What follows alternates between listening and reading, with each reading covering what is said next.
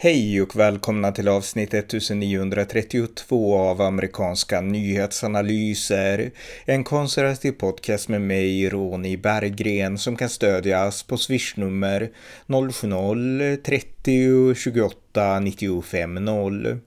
Här följer en uppdatering om det senaste i USA tillsammans med min svensk-amerikanske kollega Björn Nordström från Arizona. Varmt välkomna! Björn Nordström, välkommen! Tack så mycket. Vi ska prata lite grann om det senaste som hänt i USA och ja, vill du börja? Ja, i Kalifornien, vi har pratat om det här förut, i Kalifornien så får ju då skolor tillåta sig enligt lag då att, att de får ha elever, då, minderåriga barn i skolan att, att hjälpa dem att byta kön utan att meddela föräldrarna, med andra ord att dölja könsbyte för barnen, för föräldrarna. Då var det i alla fall så att det var ett, ett skoldistrikt i Kalifornien, det är Monterey County i alla fall, men i alla fall så föräldrarna fick reda på att skolan hade hjälpt barnet att börja byta kön. Det var inte de fysiska sakerna utan det här var mer byta namn och liksom mm. bli kallad för en flicka istället för en pojke och så vidare och så vidare. Va? Men i alla fall föräldrarna stämde sen skolan och skolan sen tydligen så istället för att, uh, för att vad ska man säga, gå in i domstolen så gjorde man vad det heter förlikning på svenska, en settlement. Mm. De, de betalar föräldrarna 100 000 dollar i skadestånd. Med andra ord, skolan erkände att de hade gjort fel utan att behöva erkänna det. Va? Så en settlement är att egentligen så säger man att vi hade fel, men det, men det säger man inte rakt ut. Men betalar man då skadestånd så naturligtvis så är det ju så att i en förlikning så är det naturligtvis så att man erkänner att man har gjort ett fel. Mm. Så, så det är egentligen för jäkligt alltså att skolorna håller på så här och, eh, och, och gå bakom ryggen på föräldrarna och sen erkänt ja, ja visst, vi hade nog fel. Vilken, vilken låg moral de har. Mm. Andra de, de visste att de gjorde fel, men samtidigt gick de bakom ryggen på föräldrarna. Föräldrarna tvingades stämma skolan för att det skulle bli ordning på det där igen. Mm. Men det visar också att det finns ändå vissa skyddsmekanismer i systemet, men man måste orka att liksom använda sig av de mekanismerna, stämma och liksom processa. Precis, men det som jag, jag inte riktigt förstår det är det att om i Kalifornien tror jag det är så att det är barn, man får gå Det finns en lag till och med som skyddar att man behöver inte berätta för föräldrarna men ändå så erkände skolan att hade de gjort fel. Så jag är inte riktigt säker på den lagen. Men i alla fall, precis, det, det, finns skyddsmekanismer i alla fall som föräldrar, men att man måste gå igenom det överhuvudtaget och galenskapen är ju den, det är det som är sinnessjukt. Mm. Att skolor gör sånt här och kan göra sånt här till att börja med utan att prata med föräldrarna. Det, det, det är liksom för mig helt obegripligt. Mm, jag skulle gissa att lagen är alltså utformad så att det finns fortfarande skydd kvar. Sen finns det krafter som sliter i, i systemet åt olika håll. Det är väl så det är skulle jag tro. De här som ja, är för, för, att skydda barn, eller skydda barn tvärtom. De som är för att liksom gå på sidan av föräldrarna. De vill dra lagen åt ett håll och konservativa åt ett annat. Skulle jag gissa i alla fall. Eh, en annan ja. sak som jag tänkte berätta om det är att Kamala Harris, USAs vicepresident, som kanske är den sämsta, eller hon är den sämsta vicepresident ja. som jag någonsin, någonsin har liksom stött på. Alltså hon är en katastrof. Och nu har, eh, nu har en journalist som heter Franklin Fuhr skrivit en bok som kommer att släppas snart, snart som heter The Last Politician. Och den handlar om Kamala Harris. Och jag har inte läst boken för den har inte kommit ut än, men jag har läst sammandrag. Och eh, där beskrivs det att Kamala Harris är extremt eh, osäker på hur hon uppfattas av allmänheten, av kollegor. Och hon är helt besatt av hur hon, liksom, hur hon uppfattas. Alltså som en influencer som är liksom, ja, hon, ja. hon ska uppfattas rätt och så. Jag menar, och, nu har jag inte läst boken, men jag menar, det är exakt det intrycket jag har också när man ser Kamala Harris på kameran och i, liksom, i rutan och så. Ja, jag tror att hon har någon, menar, hon, hon satsar ju ingenting på att egentligen försöka göra någonting som är bra för USA. Vi pratade om det förr. Jag kan inte komma på en endaste sak som hon faktiskt har gjort, haft visat ledarskap i för att överhuvudtaget göra någon positiv skillnad för det här landet. Jag har ingen aning. Och hur hon kan då försöka sen bry sig om sitt image, det är också ganska konstigt därför att om man inte gör någonting, jag tror inte ens demokraterna, demokratiska väljare kommer på någonting som hon gör. Nej. Utan, och liksom, vad, är, vad, är hon, vad, vad sysslar hon med de här 8, 10, 12 timmarna per dygn som hon är, som liksom ska jobba då för landets bästa? Det är, ingen, det är ingen som vet längre. Hon är en total persona non grata. Non grata. Mm.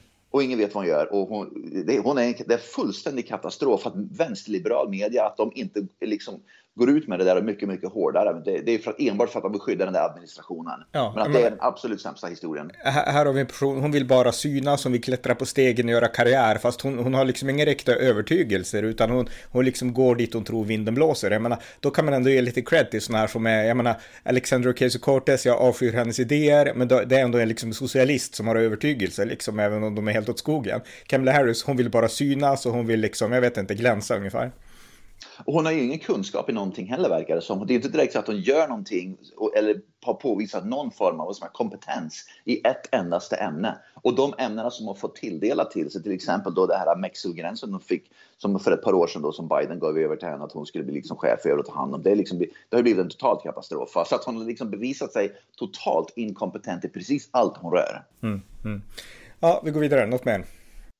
Ja, jag skickade en video förresten. Eh, du vet, det är ju såna här eh, aktivister då som, som blockerar vägarna även här i USA. Man ser det i Europa lite överallt och även i, i USA så blockerar idag aktivister vägar och framförallt så skedde det mycket för ett par år sedan i, i delstaten Washington i Seattle-området. Men i alla fall i Nevada, och de blockar ju vägarna då för att de ska då protestera mot någonting. Men i alla fall, det var i Nevada var det, förra veckan så var det några, en massa aktivister som, som började blockera vägar i Nevada därför att de skulle demonstrera eller protestera mot någonting. Jag minns inte ens vad det var eller talat. Det var jag tror det var någonting med klimatet att göra, mm. vad det nu var. Det var klimatet. Men i alla fall, mm. ja, ja, polisen i alla fall och, och sherifferna där, de tog ingen hänsyn till aktivisterna. De bokstavligen åkte dit och de hade satt upp lite, vad ska man säga, föremål då på vägen för att försöka blocka. Polisen bara körde med polisbilen rakt igenom det där, tog tag i de här aktivisterna, bara kastade av dem från vägen och sen arresterade dem och sen ska de då åtalas.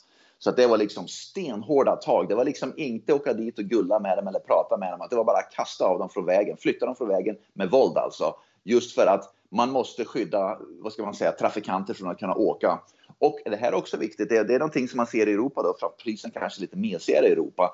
Om poliserna inte med fysiskt, fysiskt våld och flyttar aktivisterna, då kommer det ju människor, vanliga människor som kör bilen och stanna. Och det har man ju sett i Europa på, på, liksom, på Youtube och sånt där. Va? Mm. Och hoppa ut och sen börja liksom, flytta på dem istället. Och det ökar ju risken för att det blir medborgarvåld istället. Och det är det vi måste undvika. Mm. Våldet ska, är poliserna ska ta hand om, inte medborgarna. Jättebra poäng och då måste poliserna kunna, kunna använda våld. Och en sak till också här. Dels så ja. var det en enormt lång kö. Det här, det, jag tror att det var någon tillställning ja. i, om det var i Reno eller i någon annan stad där i, i Nevada. Men, men det, var en alltså det var en enorm bilkö i alla fall. Och det var ja. mitt i öknen så jag föreställer mig att alla kanske inte hade vatten och sådana saker.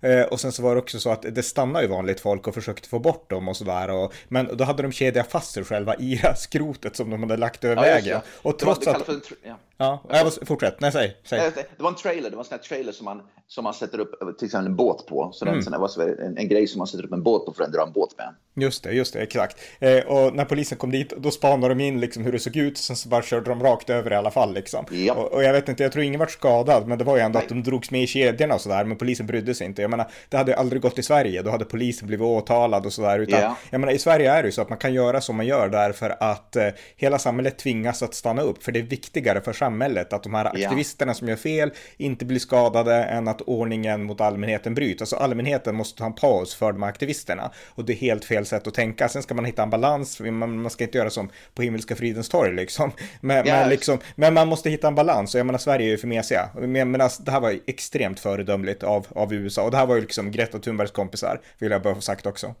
ja visst, och det är inte så att, att, det är inte så att de, att de liksom kör över människor och dödar dem, utan det är liksom att de bara, de flyttar människorna med liksom, liksom med hårda tag. Mm.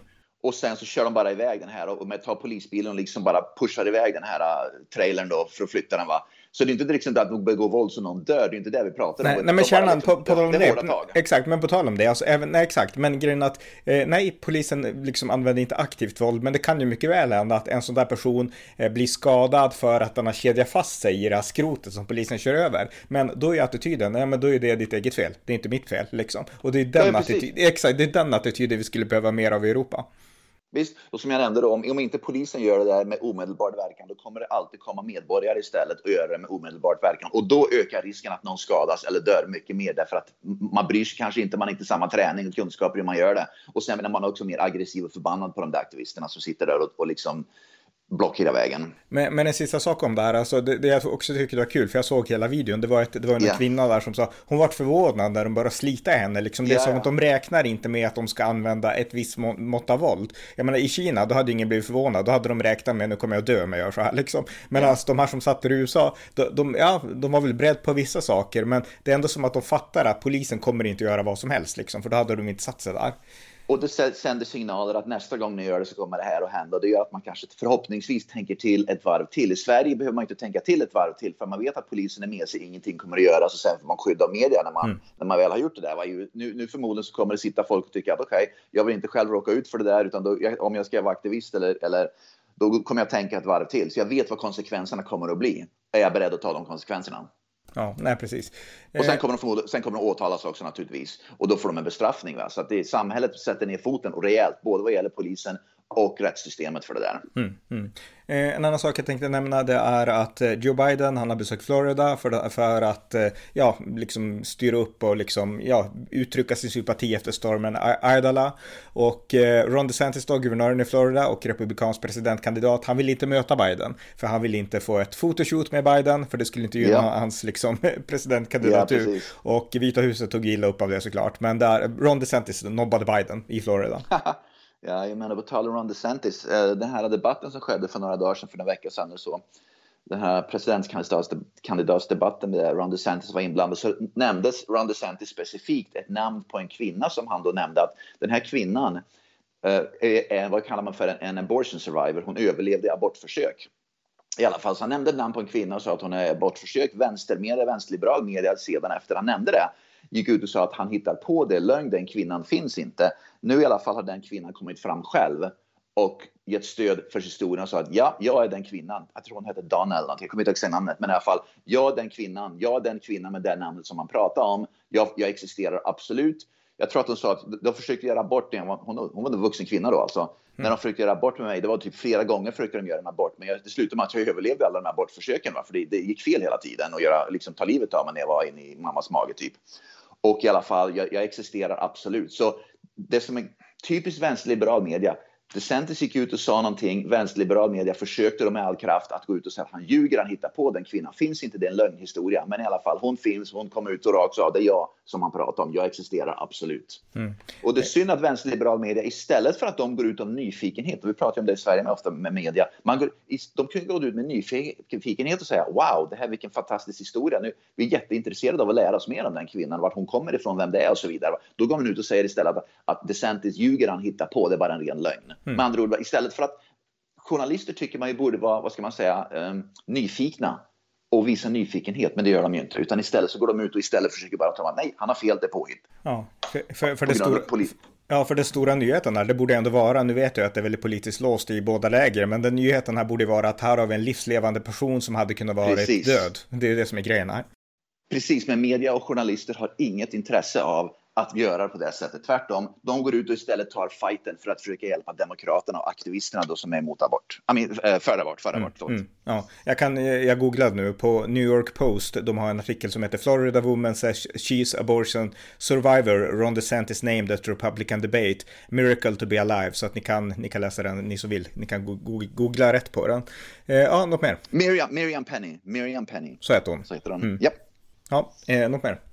Ja, vi pratar regelbundet om San Francisco och jag såg eh, en, en commissioner, det är väl en anställd då inom San Franciscos kommun, eh, har just sagt upp sig och förklarat då att jag säger upp mig för att San Francisco är bokstavligen åt helvete. Det är så mycket kriminalitet och så mycket drägg och så mycket droger. Det är så mycket skit som pågår där så att San Francisco, jag kan inte jobba för stan längre. Jag bara, jag måste ut härifrån.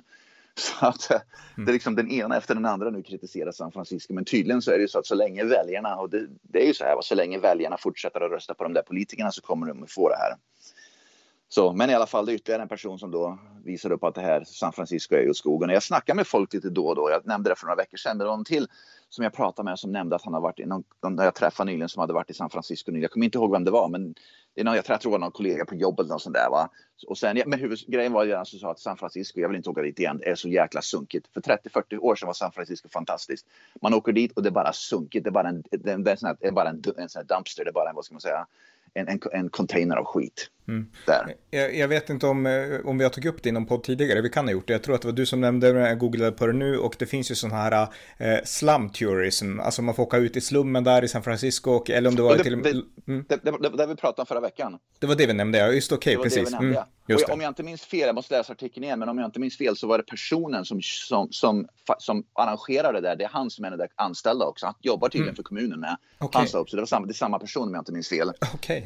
så han börjar med att försöka visa upp, han jobbar fortfarande kvar, och försöka visa upp genom att ta liksom torer då man kan åka runt och arrangera då för att se hur skiten är, men sen så fick han nog och han bara upp så mm. stack. Ja, ja, det kan inte vara liksom speciellt vare sig moraliskt eller själsligt upplyftande att, att hålla i sådana turer. Absolut inte. Så han ja. gjorde tydligen det där som ett sista försök att få uppmärksamhet till det hela. Att, mm. att det, här, det här liksom, det, det måste få ett slut på det här. Mm. Men San Francisco-borna vill ha det där. Så. Ja, precis. Och på tal om det förresten, jag lyssnade på, vi har pratat förut om att kristna organisationer, det är typ de två kvarvarande som försöker styra upp och hjälpa till i de här situationerna. Och går så lyssnade på radion i bilen och de pratade om, eh, de pratade om religiös extremism och så var det prat om talibaner och om liksom islamister. Och så var det också, ja, och sen har vi den här kristna högern som är emot aborter och så vidare liksom. Så jag menar, liksom ett totalt likhetstecken mellan de här riktiga galningarna och liksom kristna högre människor. Och då kan ju bara säga så, därför att de bor i Sverige och de känner ingen i kristna högern liksom, utan det blir bara en slags, det blir en halmdocka de kan använda för att använda på en svensk publik. Men den skulle ju inte alls vara gångbar i USA, så att eh, svensk media skärper Precis, svensk media är helt värdelös. Jag, jag känner ju själv flera som är i kristna högern och det är de snällaste, absolut snällaste, vänligaste, mest generösa, eller vad ska man säga, givmilda människorna man kan träffa. Mm. De är raka motsatsen till vänstern helt enkelt. Va? Men svensk media och svenska journalister och svenska politiker vi har ingen aning om vad kristna högern egentligen är. De bara tänker okej, okay, det är högern, då måste de vara högerextrema, då måste det vara och så går man liksom den vägen och det slutar då med att då är man en nazist ungefär. Men de har ingen aning om vad en kristna högern egentligen är. För ingen känner någon, de har aldrig spenderat eller umgåtts med någon i kristna högern i USA för att lära sig vilka de egentligen är. Och de har noll att göra med det svensk media tror sig att de har att göra med eller att de liksom anklagar dem för. Mm. Det, är liksom, det är inte alls samma personer de pratar om. Nej, nej för men svensk media, alltså, det är en diskrepans mellan verklighet och teorier, för de utgår från saker. Visst. Jag menar till exempel kristen höger mot aborter, kanske mot ja. homosexualitet. Okej, okay, där kanske svenskar tycker annorlunda, men grejen är att det innebär inte att de är talibaner. Och det är det svenskar inte fattar. Alltså den här diskrepansen fattar de inte, de gör inte det. De är liksom korkade, helt liksom. Alltså Sverige är ju ett land, man måste, tänka, man måste tänka rätt. Man måste tänka rätt, för då är man god och tänker man fel är man ond. Det är ungefär där som svenska svenska journalister är. Men faktum är att man kan tänka olika, man kan tänka olika om synen på homosexuella äktenskap och om ja. synen på aborter. Eh, den kristna världen har gjort det i tid och evighet och de var inte onda liksom. De var inte talibaner, inte för hundra år sedan, inte för 200 år sedan. Så jag menar, det är liksom, det är ju den, alltså svenskar är ju sekterister. De tror att de är upplysta, men de lever i en enorm, liksom gigantisk, liksom pyttebubbla i det här lilla skitminilandet. Inte ett dåligt land så, jag älskar Sverige, men du fattar poängen här. Ja, absolut. Och det som är värt att nämna, det är att även om den kristna högern inte liksom stödjer, aktivt stödjer då till exempel homosexuella, homosexuella äktenskap och, och aborter då, de accepterar och tolererar att det finns människor som inte håller med. Med andra ord, om du är en kristen höger och är, emot, uh, och är för abort, äh, men förlåt, mot abort, mm. du accepterar fortfarande att det finns människor som är för abort. Du mm. accepterar att det finns en motståndarsida du tolererar din motståndarsida. Du kom, det är inte som vänstern att de accepterar det inte, de tolererar det inte, de vill ta till våld för att stoppa det. Va? Det är så vänstern håller på, va? aktivisterna. Va? Men den kristna högern accepterar och tolererar demokratin och yttrandefriheten och tankefriheten och åsiktsfriheten. Va? Det är det som är skillnaden. De kanske inte stödjer, de, de kanske säger okej, okay, vi tycker så här, men vi accepterar att du tycker och tänker annorlunda och det respekterar vi. Ja, och det är det som är kärnan i demokratin. Det är Precis. så man ska vara i en demokrati. Man ska inte Precis. tycka lika utan man ska förstå att man kan tycka olika. Och det gör ja. den kristna höger. Medan svensk journalistkår ja. gör det inte, amerikansk vänster gör det inte och ja. eh, talibanerna gör det verkligen inte. Och det är det här woke-rörelsen som är det yttersta beviset på det, hur vänstern fungerar. Woke den kristna högern accepterar och tolererar woke-rörelsen, de är emot den totalt, va? men de respekterar att den finns, för du har rätt att vara på det viset. Va? Men mm. woke-rörelsen accepterar och respekterar inte den kristna högern. Det är woke-rörelsen som är den intoleranta vänstern, inte uh, den toleranta sidan. Mm. Och det är där som svensk media också får totalt helt fel. Ja i sin rapport om det här och förståelse för det här. Exakt, det är så bra att du just du påpekar det här som man verkligen har koll. Eh, vi fortsätter något mer. Jajamän, det finns en ny öl här i USA nu som är på gång som ska börja lanseras och den heter Ultra Light, ultrahöger. Det är en ny öl som ska då vara en öl som ska då säljas och riktas framförallt till konservativa. Som, och det här var då, kom ut efter Bud Light-grejen som hände. Det var tydligen en kille då som tyckte att det här med Bud Light. Nu måste vi göra någonting med ölen också. Inte bara bojkotta då Bud Light utan vi måste även skapa en öl då som amerikaner vet inte kommer att bli woke. Utan som amerikaner vet, det här är en patriotisk öl. Vi kommer aldrig bli woke. Vi kommer inte hålla på med det här utan vi kommer att det liksom är en ett ölmärke för amerikaner som, som, som vill vara 100% säkra på att de inte dricker en öl som har någonting med woke att göra. Va? Och jag kan lova dig att den här kommer att bli en storsäljare. Ja. Det är en helt ny öl, den är splitterny öl. Ja, Okej, okay. ja, det, det lät rätt kul. Alltså, ja, det, det, ja, fortsätt. Nej, fortsätt. fortsätt. Ja, och, och vi, media här i USA, de har ju då sen börjat hetsa mot den där. De försökte klura ut vem är det som är tillverkaren. För media här i USA, vänsterliberal media, försökte, försökte i början komma på Om vi kan få tag vem tillverkaren är av ölen, va? då kan vi sen försöka göra en cancel mot den så vi skrämmer tillverkaren. För att, att tillverka öl, det krävs ju en hel del, det krävs i fabrik och så vidare. Va? Så det man gör det är att man, man har en öl, men man, man, man ska säga outsource, jag vet inte vad det heter på svenska, outsourca den, det är liksom tillverkningen till ett företag som redan tillverkar öl. För att de har ju redan då logistiken och de har ju alla grejer för, för, för att tillverka öl. Mm. Så vänsterliberal media gick efter och, och försökte leta om... Ryktet var att det var en öltillverkare i Illinois så de började gå efter öltillverkare i Illinois. Men målet var ju då att skrämma öltillverkarna att stoppa tillverkaren där ölen i alla fall. Men mm. det visade sig vara en, en patriotisk, ett patriotiskt företag då i, i delstaten Georgia som tillverkare. Så som ska göra det då. Men i alla fall poängen var det att vänsterliberal media försöker helt enkelt med cancel cultures hjälp stoppa ölen från att kunna tillverkas överhuvudtaget genom att försöka ta reda på vem det är och sen skrämma dem och sen hota med att göra en cancel. Mm, ja. eh, på tal om det, alltså det här är en liten passus, men Magdalena Andersson, Socialdemokraternas partiledare här i Sverige, hon kallar sig nu själv för patriot och SVT, ja, SVT har en rubrik eh, som säger att eh, syftet med det är att hon vill erövra svenskheten från SD. Eh, ja, jag såg det. Hon jag... sa att hon är, hennes, största, hennes, hennes största grej är att hon vill göra att, säkerheten för Sverige och svenska medborgare. Ja. Ja, grattis där. Jag skulle tro att det här ölföretaget kommer att lyckas bättre med sin patriotism än hon med sin. Absolut, och det ska bli intressant att se hur mycket den ölen kommer att sälja. Jag tror inte man kan köpa den i affärer än. Det tar ju lite tid innan, man, innan liksom den hamnar ute i affärerna på hyllorna. Men jag såg att det är väldigt många delstater och affärer som, har, som ska börja sälja den. Hade det här skett för till exempel 5-6 år sedan, då hade tror jag inte många eh, vanliga affärer då, man får ju sälja öl affär, eh, köpa öl i affärer här, det är inte ett systembolag utan vanliga affärer säljer öl. Och för 4, 5, 6 år sedan så tror jag många affärer här inte vågat hade, vågat hade liksom sälja den ölen därför att då hade de blivit cancelled och liksom eh, cancel culture hade mycket mer makt. Va? Men nu vågar affärerna sälja den därför att många affärer vet om att det finns så mycket köpkraft bland människor som är emot cancel culture, vilket redan är bevisat. Mm att man, man vet att vi kan, köpkraften finns redan så vi behöver inte oroa oss för att bli cancelled. Om det är några vänsteraktivister som slutar handla i vår affär, det är helt okej. Okay. Därför att det kommer många fler att handla hos oss om vi blir citattecken och cancelled. Så om vi säljer den här ölen så kommer det bara öka försäljningen av andra varor med inte minska. Nej, det, det, är så coolt att vi har kommit, till, kommit dit istället för det vi var förut. Ja. Så att verkligen, verkligen. Eh, en annan sak det är att det har kommit en ny covid-variant till USA, Pirola, den har säkert kommit till Sverige också. Och det här är ju någon slags variant av omikron, alltså inte så jättefarligt. Och eh, sådär, men den sprids i alla fall och tror jag 15 000 som hamnar på sjukhus, förmodligen äldre och så. Eh, Joe Biden har sagt att nu ska man satsa på en ny uppdaterad version av vaccin och Donald Trump han har gått ut och sagt att det är hög tid att se till att det inte blir några nya påbud, inga nya covid lockdowns och inga nya mask mandates och så vidare. Och han, Trump drar, drar lite längre. Varför blåser de upp det här nu? Jo, därför att det är ett nytt val på gång, säger han. Men hur som helst, en viss mån ny debatt om covid i USA. Ja, jag menar det som inte hjälper det är att Metallicas sångare uh, James Hetfield, Metallica mm. här i Phoenix, de spelar en konsert här i Phoenix i lördags, förlåt, fredags. Och de skulle egentligen haft en konsert i ikväll med, men James Hetfield, sångaren för Metallica, har covid nu. Nej, det, oj, det, visste jag inte. Han, så konserten här är inställd. Jag hade funderingar på att köpa sista minuten-biljetter och gå. Och sen läste jag tidningen ikväll. Konserten inställd, James, James Hetfield har covid. Och det är som, aha, då, då, då kommer naturligtvis alla bli vettskrämda.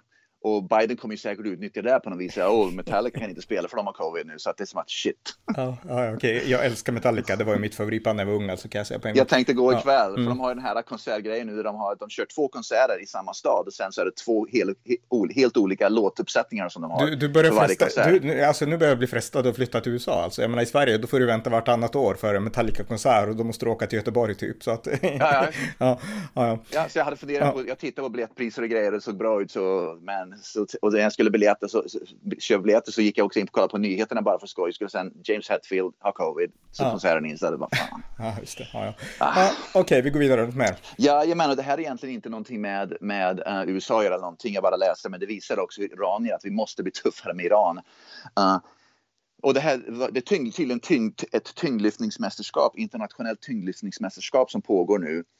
Och det var tydligen så att en, en um, iranier som gick fram och skakade hand med en Israel. Jag vet inte, det var bara sportsmässigt. Om man går fram och skakar hand med en Israel och den där iranien nu, han blev avstängd på livstid av iranska tyngdlyftningsförbundet från att någonsin delta i, i mästerskap igen därför att han skakade hand med en Israel. Och det återigen visar att det är samma, is, eh, förlåt, samma Iran då som svenska, kommer ihåg den här de här svenska bästa tjej, tjejgänget ungefär som åkte dit och satte på sig massa hijabs och sånt där. Va? Magdalena visar... Anderssons kompisar. Ja. Jag tror inte hon själv var med, men hennes och, kompisar. Ja, mm. Här visar, min poäng är att vi måste i västvärlden bli tuffare mot Iran. Om man, om man stänger av en tyngdlyftare för oss sportsmässigt mot sina, mot sina liksom medtävlare då, Tyngdlyftningsförbundet borde egentligen stänga av Iran på livstid eller fram tills de häver sin avstängning av killen. Varför säga, ni, ni i Iran får inte ha tyngdlyftare längre med därför att ni helt enkelt accepterar inte Israel. Va? Men det vågar vi inte göra såklart. Mm, nej, nej, precis. Eh, så är det. Tuffare mot eh, islamiska diktaturer och tyvärr måste vi vara tuffare ja. även här i väst mot islamiseringens krafter här i Europa i synnerhet. Eh, ja. ja eh, har du något mer?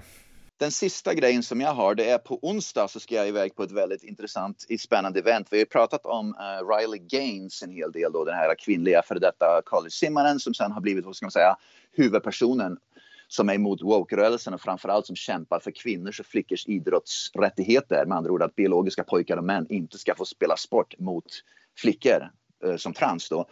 Hon och uh, Charlie Kirk, jag älskar Charlie Kirk, han är helt mm. fantastisk i, i, alla fall. De kommer i alla fall uh, hit till Phoenix för en event, för ett evenemang då på onsdag kväll. Jag och min dotter ska åka dit för dottern är, är väldigt, vad ska man säga, hon, hon har väldigt mycket respekt för Riley Gaines med. Hon diggar mm. Riley Gaines som för hennes tuffhet då. Mm. Så vi ska åka dit och titta på Charlie Kirk och Riley Gaines och se vad de har att säga om det hela. Så det ska bli mycket intressant att se. Och det heter Freedom Night, Frihetsnatten i Amerika, Frihetskvällen i Amerika. Mycket spännande. Det, får du, det. det måste du rapportera om i en podd sen framöver då. Absolut, mm. absolut. Mm. Och jag, jag, ska bli, det blir säkert fullpackat där med i alla fall. Så ja. det ska ja. bli intressant. Det blir spännande att höra. Okej, men tack så mycket Björn. Tack så mycket. Tack för att ni har lyssnat på amerikanska nyhetsanalyser, det konservativa alternativet i det vänsterliberala svenska mediebruset. Podden kan stödjas på swishnummer 070-30 28 95 0 eller via hemsidan på Paypal, Patreon eller bankkonto. Skänk också gärna en slant till valfri Ukraina-insamling. Allt gott tills nästa gång.